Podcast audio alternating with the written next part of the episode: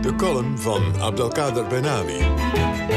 Ja, het thema van de maand van de geschiedenis is werken, werken, werken. We zijn een volk dat graag doet alsof het keihard aan het werk is.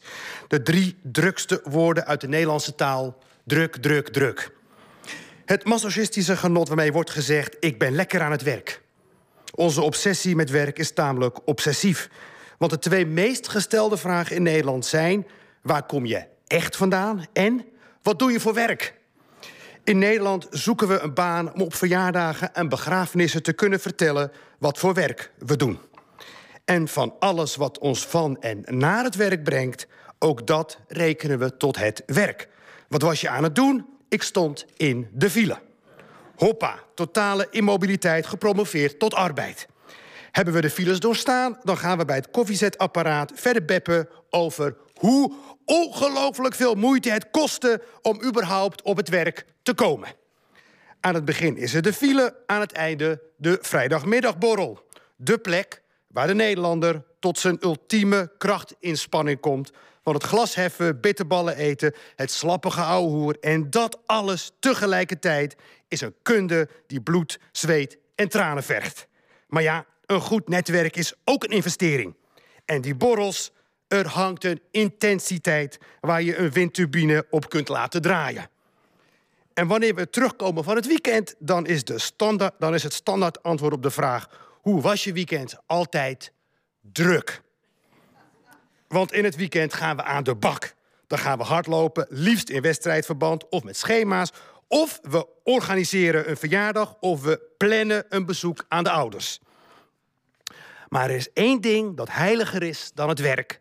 En dat is de vakantie. Vrije dagen zijn het goud van onze efficiëntiesamenleving.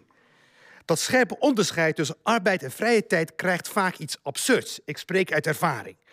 Ik werd uitgenodigd om een lezing te geven, bijvoorbeeld in Den Helder. In de aanloop na de lezing had ik een intensief contact met de organisator. We mailden, we telefoneerden en we kwamen bij elkaar om koffie te drinken. Want om tot een goed resultaat te komen, mag niets aan het toeval worden overgeladen. Ik was hard op weg om een persoonlijke band te krijgen met de organisator. De dag voor de lezing kreeg ik standaard een mail of een telefoontje van die persoon die me dan succes wenste morgen.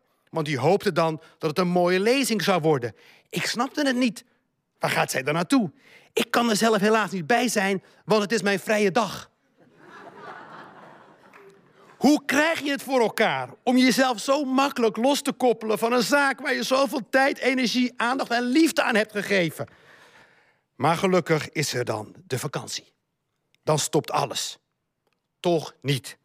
Ook van het zalige zoete niets doen weten wij weer een project te maken. De reis, de tickets, de bestemming, de zwembaden. Alles wordt op salarisschaal 11 niveau gepland en strak uitgevoerd. Op locatie gaan er geen moment verloren. Oude kerken worden bezocht, musea geïnspecteerd en pizza's gerecenseerd. En zo wordt ook de vakantie een werkvakantie. Zodat we, zodat we wanneer we terugkomen op kantoor... we domweg gelukkig verder kunnen gaan... met wat, met wat we al die weken toch al aan het doen waren. Werken, werken, werken.